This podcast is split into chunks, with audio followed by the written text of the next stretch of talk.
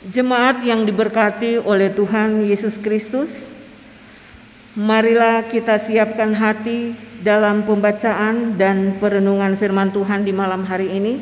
Adapun tema perenungan kita, Tuhan sanggup melakukan segala sesuatu.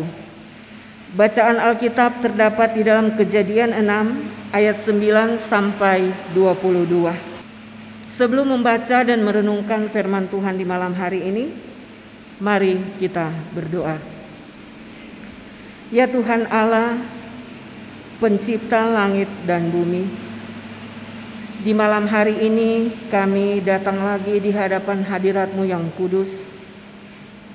Kami sungguh bersyukur Tuhan karena sampai saat ini Tuhan masih memberikan kami kesempatan untuk kami hidup dan bernafas di tengah-tengah dunia ini. Di saat ini Tuhan kami hendak membaca dan merenungkan akan firman-Mu.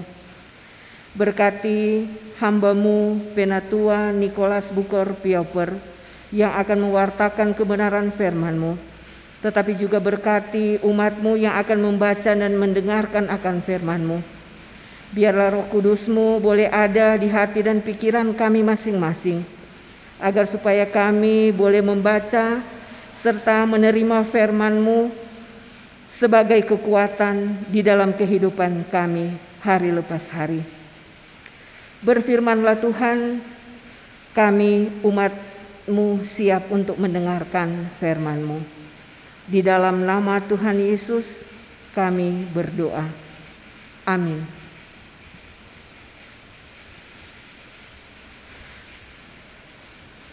Jemaat yang dikasih dan diberkati Tuhan,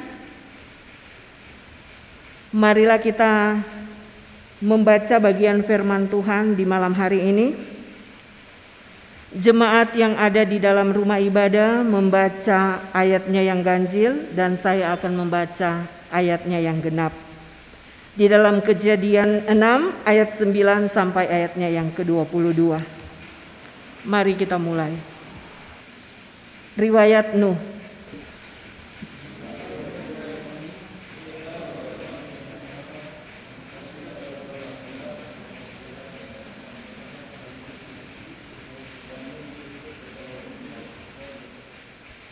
Nuh memperanakkan tiga anak laki-laki, Sem, Ham, dan Yafet.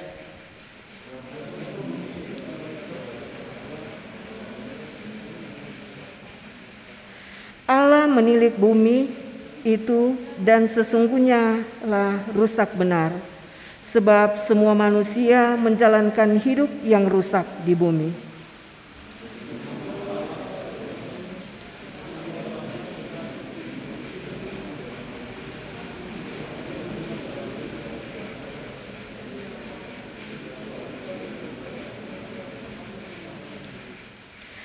Buatlah bagimu sebuah bahtera dari kayu gofir. Bahtera itu harus kau buat berpetak-petak dan harus kau tutup dengan pakal dari luar dan dari dalam.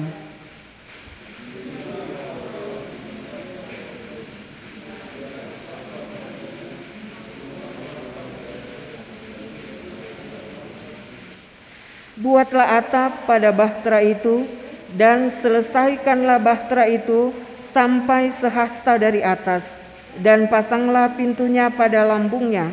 Buatlah bahtera itu bertingkat bawah, tengah, dan atas.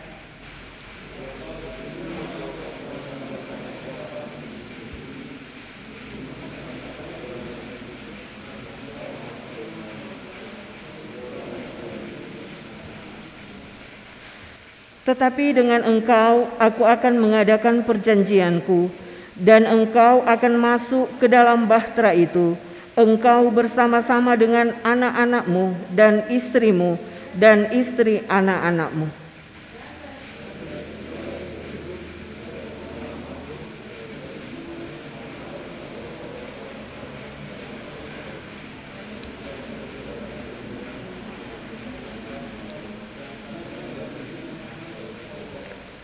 Dari segala jenis burung harus dan dari segala jenis hewan dari segala jenis binatang melata di muka bumi. Dari semuanya itu harus datang satu pasang kepadamu, supaya terpelihara hidupnya.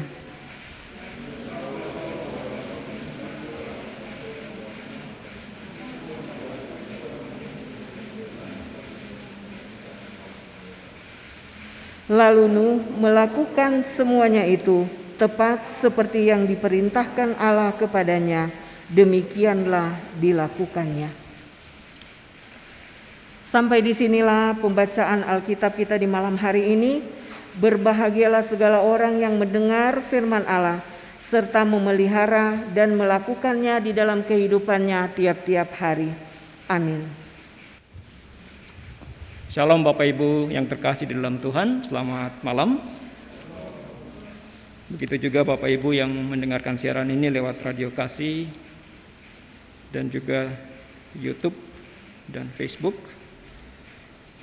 Seperti tema kita di malam hari ini, yakni Tuhan sanggup melakukan segala sesuatu. Kalau kita melihat pada bacaan kita di malam hari ini, dari ayatnya yang ke-9 hingga ayatnya yang ke-22. Di ayatnya yang ke-9 kita melihat firman Tuhan menjelaskan tentang bagaimana kehidupan rohani Nuh yaitu dia orang yang benar dan tidak bercela di antara orang-orang pada waktu itu dan dia hidup bergaul dengan Allah. Di ayat yang ke-10 menjelaskan tentang keturunan Nuh yang memiliki tiga orang laki-laki, Sem, Ham, dan Yafet.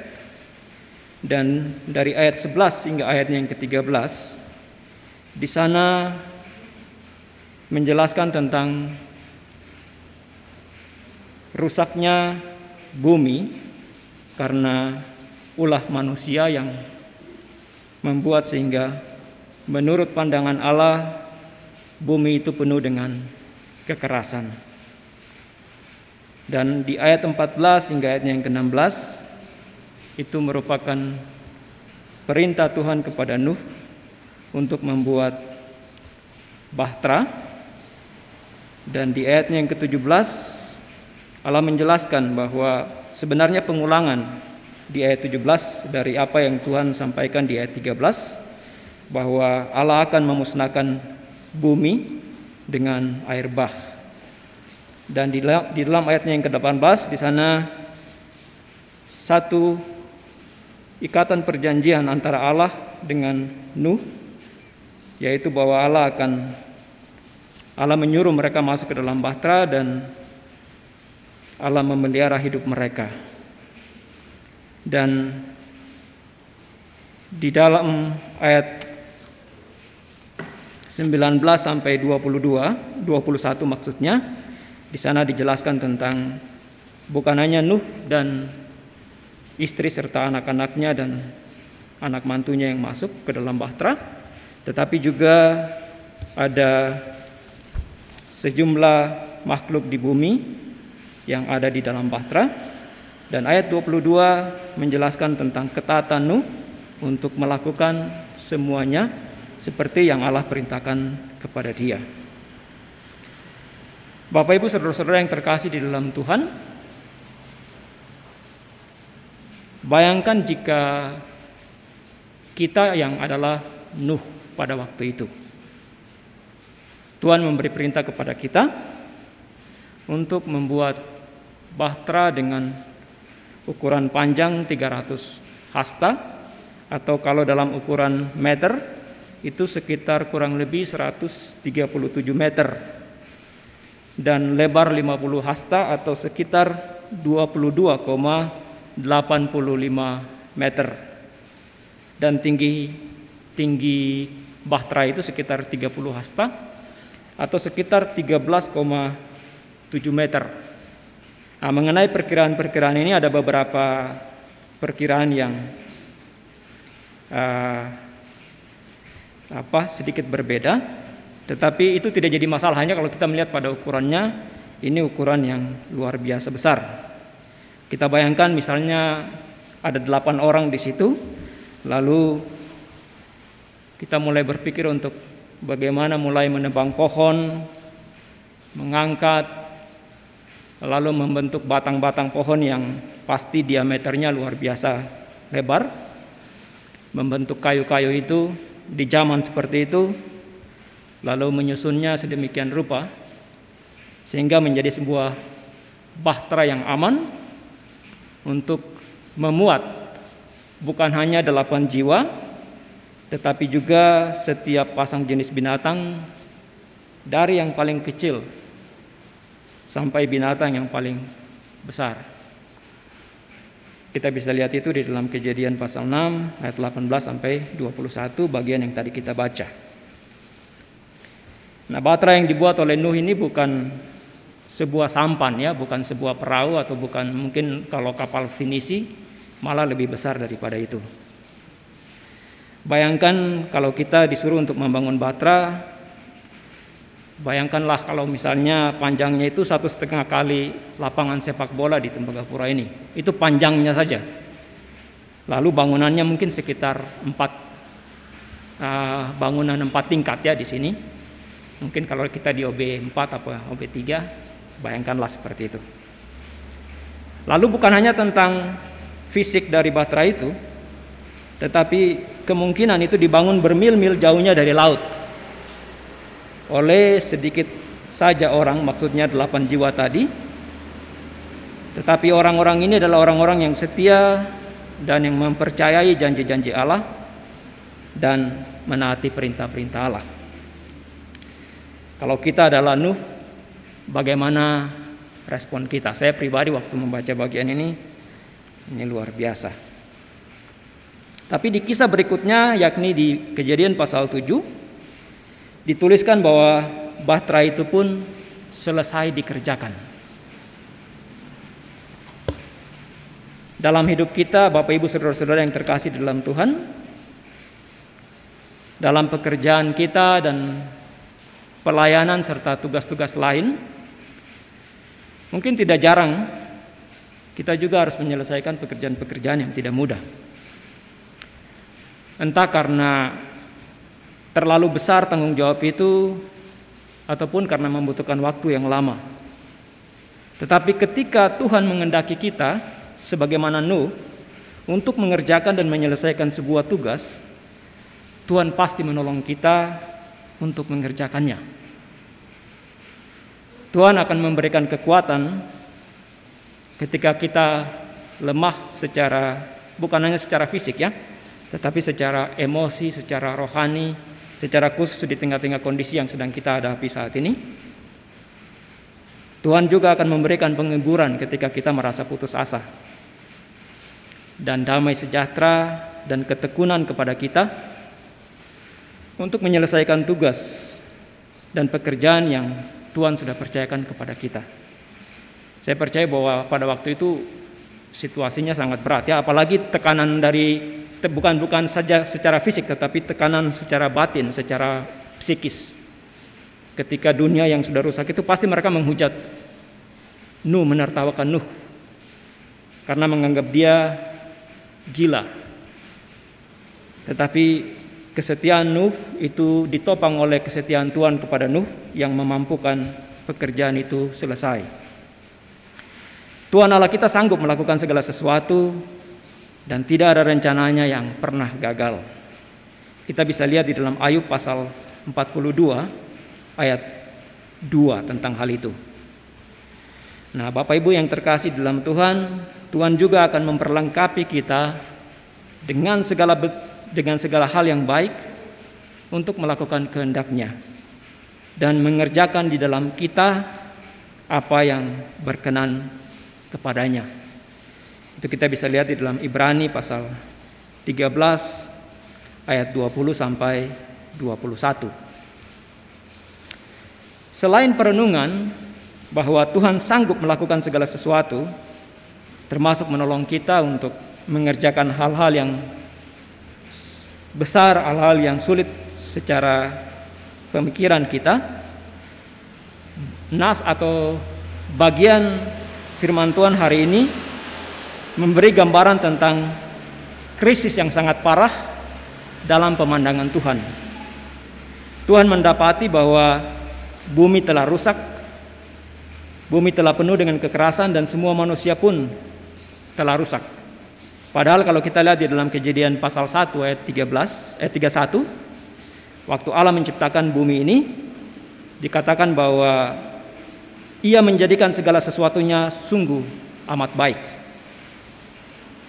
Akan tetapi di tengah-tengah kebobrokan tersebut, Allah masih menemukan Nuh sebagai pribadi yang benar dan tidak bercela di hadapan Tuhan.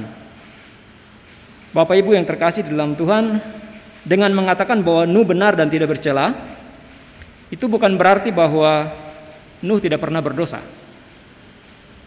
Alkitab mencatat salah satu dosa Nuh itu kita bisa lihat dalam kejadian pasal 9 ayat 20.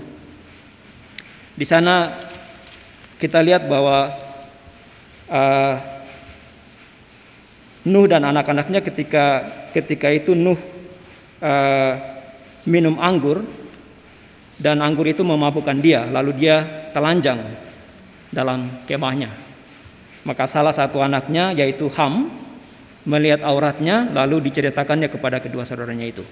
Konteksnya adalah bahwa Nuh tetap manusia yang memiliki keterbatasan. Tetapi bukan berarti bahwa dengan demikian uh, pemilihan ataupun pembenaran Allah terhadap Nuh itu uh, gagal. Kita perhatikan bahwa di ayat di bagian yang kita baca pada malam hari ini bahwa Allah memilih Nuh untuk membuat bahtera dan Nuh dengan segenap hati mengasihi dan menaati Allah. Walaupun Nuh hidup di tengah generasi yang penuh dengan kebobrokan dan kejahatan di mata Tuhan, tetapi Tuhan masih mendapat ini sebagai pribadi yang tidak terkontaminasi oleh zaman. Ternyata hal ini bisa terjadi juga karena sepanjang perjalanan hidup Nuh dia selalu bergaul dengan Allah. Dikatakan di dalam ayatnya yang ke-9. Ya, kalau selalu bergaul berarti pengertiannya uh, dia mengerti pikiran-pikiran Tuhan dan selalu berarti pengertiannya bahwa eh, hari-hari uh, hidupnya itu dia gunakan untuk uh, bersekutu dengan Tuhan dan bukan hanya bersekutu tetapi dia menaati apa yang dia renungkan. Kisah Nuh juga Bapak Ibu yang terkasih dalam Tuhan itu menceritakan kepada kita bahwa banyak orang baik pada zaman Nuh juga saat ini sedang dihancurkan karena hati yang tidak benar. Orang-orang di zaman Nuh memiliki tiga masalah hati yang tidak menyenangkan Tuhan, yaitu mereka memiliki masalah hati tentang kejahatan, imajinasi yang jahat, dan pemikiran yang jahat. Dan kita tahu bahwa kejahatan itu bukan sesuatu yang terjadi instan atau sekali, artinya uh, dia itu lewat sebuah proses yang perlahan-lahan dan yang disentuh itu adalah hati. Tetapi Nuh memiliki hati yang benar dan mendapat kemurahan di mata Tuhan. Banyak dari masalah kita Bapak Ibu yang bisa kita selesaikan dan banyak hal membingungkan dalam hidup kita dapat kita luruskan ketika kita memperbaiki hati kita dengan Tuhan. Hati kita mungkin tidak dipenuhi dengan pikiran dan imajinasi jahat yang sama persis dengan orang-orang di zaman Nuh. Tetapi sikap buruk atau pemikiran yang salah ini juga bisa menjadi sebuah imajinasi jahat dan pemikiran jahat. Kita bisa lihat contoh yang kecil di akhir di seluruh uh, Freeport ataupun di Indonesia, bagaimana ketika pemerintah sudah berupaya semaksimal mungkin dengan program vaksinasi, tetapi ada pihak-pihak banyak pihak yang justru menciptakan imajinasi-imajinasi, pemikiran-pemikiran yang jahat yang justru menolak hal tersebut. Padahal sebenarnya hal tersebut itu bagus untuk kita. Nah, firman Tuhan di dalam Amsal 4 ayat 23 berkata, Jagalah hatimu dengan segala kewaspadaan, karena dari situlah terpancar kehidupan. Ketika kita membiarkan pikiran negatif dan jahat dalam hati kita, maka hati kita tidak dapat menghasilkan kehidupan yang memuliakan Tuhan. Kita harus berhati-hati tidak hanya tentang tindakan kita, tetapi juga tentang imajinasi kita, niat kita, motivasi kita, dan juga sikap kita. Ketika kita gagal dalam hal-hal ini, maka Hal ini akan menyebabkan hati kita yang jahat. Kita membutuhkan hati yang lembut dan benar agar kita dapat menyikapi situasi yang diciptakan situasi buruk yang diciptakan oleh apa pun atau siapa pun. Akhirnya Bapak Ibu yang terkasih di dalam Tuhan ada satu uh, kutipan dari seorang hamba Tuhan yang uh, saya pikir ini Alkitabiah dikatakan begini, jika akar persoalan terletak di dalam hati, maka penambahan aturan tidak akan menyelesaikan. Kalibrasi hati adalah kunci. Hati yang dikuasai oleh Allah yang tersalib di dalam Yesus Kristus akan mampu menyalipkan semua hawa nafsu kedagingan kita. Ada kalibrasi hati, artinya kalibrasi adalah satu proses untuk uh, mengukur dan mengatur uh, alat ukur agar sesuai dengan standar atau tolok ukur. Nah, alat untuk mengkalibrasi hati kita adalah firman Tuhan. Dan kalibrasi hati kita itu tidak bisa kita lakukan hanya seminggu sekali, tetapi setiap hari di dalam kehidupan kita. Mengapa? Karena pikiran-pikiran yang di luar dari kebenaran firman Tuhan yang kita hadapi setiap hari itu terjadi satu kali 24 jam. Kita berada di tempat kerja, kita bisa terkontaminasi bukan hanya dengan virus corona, tetapi yang paling berbahaya adalah pikiran-pikiran yang tidak sesuai dengan firman Tuhan. Kiranya firman Tuhan yang kita dengarkan ini Allah yang akan menyempurnakan itu lewat Roh Kudus bagi kita. Amin.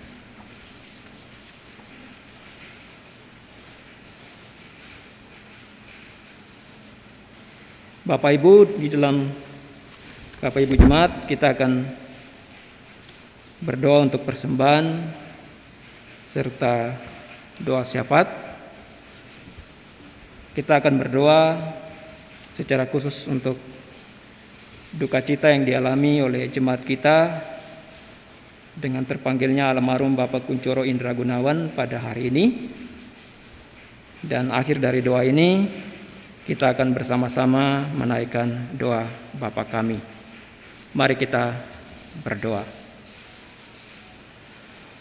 Bapa surgawi di dalam Tuhan kami Yesus Kristus, kami mengucap syukur dan berterima kasih kepadamu Tuhan Sebab karena pertolongan Tuhan bagi kami Kami ada sebagaimana kami ada hingga saat ini Kami mengucap syukur dan berterima kasih Untuk kebenaran firman-Mu bagi kami Biarlah Tuhan oleh pertolongan rohmu yang kudus Kami dimampukan Selain mendengar kebenaran firman-Mu, tetapi hidup juga untuk melakukan kebenaran firman-Mu. Biarlah hidup kami menjadi berkat, menjadi terang bagi sesama kami. Kami percaya bahwa di dalam keterbatasan kami sebagai manusia, Tuhan akan menolong kami untuk melakukan kehendak-Mu. Kami berdoa juga di malam hari ini, untuk persembahan syukur yang telah kami berikan. Biarlah Tuhan Engkau menolong agar persembahan yang kami telah kumpulkan ini dapat digunakan untuk pelebaran pekerjaan pelayanan kerajaan surga di tengah-tengah jemaat tetapi juga di mana pun persembahan ini diberikan. Kami menyerahkan ke dalam tangan Tuhan untuk kondisi di Tembagapura, kondisi di Timika, dan di mana-mana tempat ketika virus ini merajalela. Banyak dari kami mungkin menjadi takut, tapi biarlah Tuhan Engkau datang dan memberikan kekuatan mengingatkan kami bahwa di dalam situasi apa pun Tuhan Engkau selalu menyertai kami. Kami berdoa menyerahkan ke dalam tangan-Mu ya Tuhan. Secara khusus di tengah-tengah jemaat ini kami mengalami duka cita bersama dengan almarhum Bapak Kuncoro Indra Gunawan dan teman-teman di Rayon 4 ketika Tuhan memanggil hambamu ini kembali kepadamu. Engkaulah yang memberi, engkau pula yang mengambil. Terpujilah engkau ya Tuhan. Kami menyerahkan suasana duka cita yang sedang dialami secara khusus oleh keluarga yang mungkin yang jauh dari hambamu ini Tuhan. Engkau memberikan mereka penghiburan, memberikan mereka kekuatan. Ingatkan mereka agar jangan sampai mereka tenggelam di dalam duka cita yang melebihi pengharapan. Tetapi biarlah mereka ingat bahwa engkaulah kebangkitan dan hidup. Dan setiap orang yang percaya kepadamu tidak akan binasa tetapi akan memperoleh hidup yang kekal. Biarlah itu menjadi penguatan bagi keluarga. Kau menolong para medis yang terlibat di dalam pengurusan jenazah hingga sampai ke empat tujuan. Kau menyerahkan para medis yang bekerja bergulat terus dengan kondisi yang sedang kami hadapi ini Tuhan. Engkau memberikan mereka kekuatan. Kami juga berdoa menyerahkan uh, jemaatmu yang mungkin terpapar dan ada di dalam barak-barak karantina ataupun isolasi mandiri. Tuhan, Engkau memberikan mereka penghiburan, memberikan mereka kekuatan. Ingatkan mereka bahwa mereka tidak sendiri, tetapi Engkau bersama dengan mereka. Bapak di surga, akhirnya kami hendak bersama-sama menaikkan doa yang telah Engkau ajarkan kepada kami. Bapa kami yang di surga, dikuduskanlah namamu, Datanglah kerajaanmu, jadilah kehendakmu di bumi seperti di surga. Berikanlah kami pada hari ini makanan kami yang secukupnya. Dan ampunilah kami akan kesalahan kami, seperti kami juga mengampuni orang yang bersalah kepada kami. Dan janganlah membawa kami ke dalam pencobaan, tetapi lepaskanlah kami daripada yang jahat. Karena engkaulah yang punya kerajaan, kuasa dan kemuliaan sampai selama-lamanya. Amin.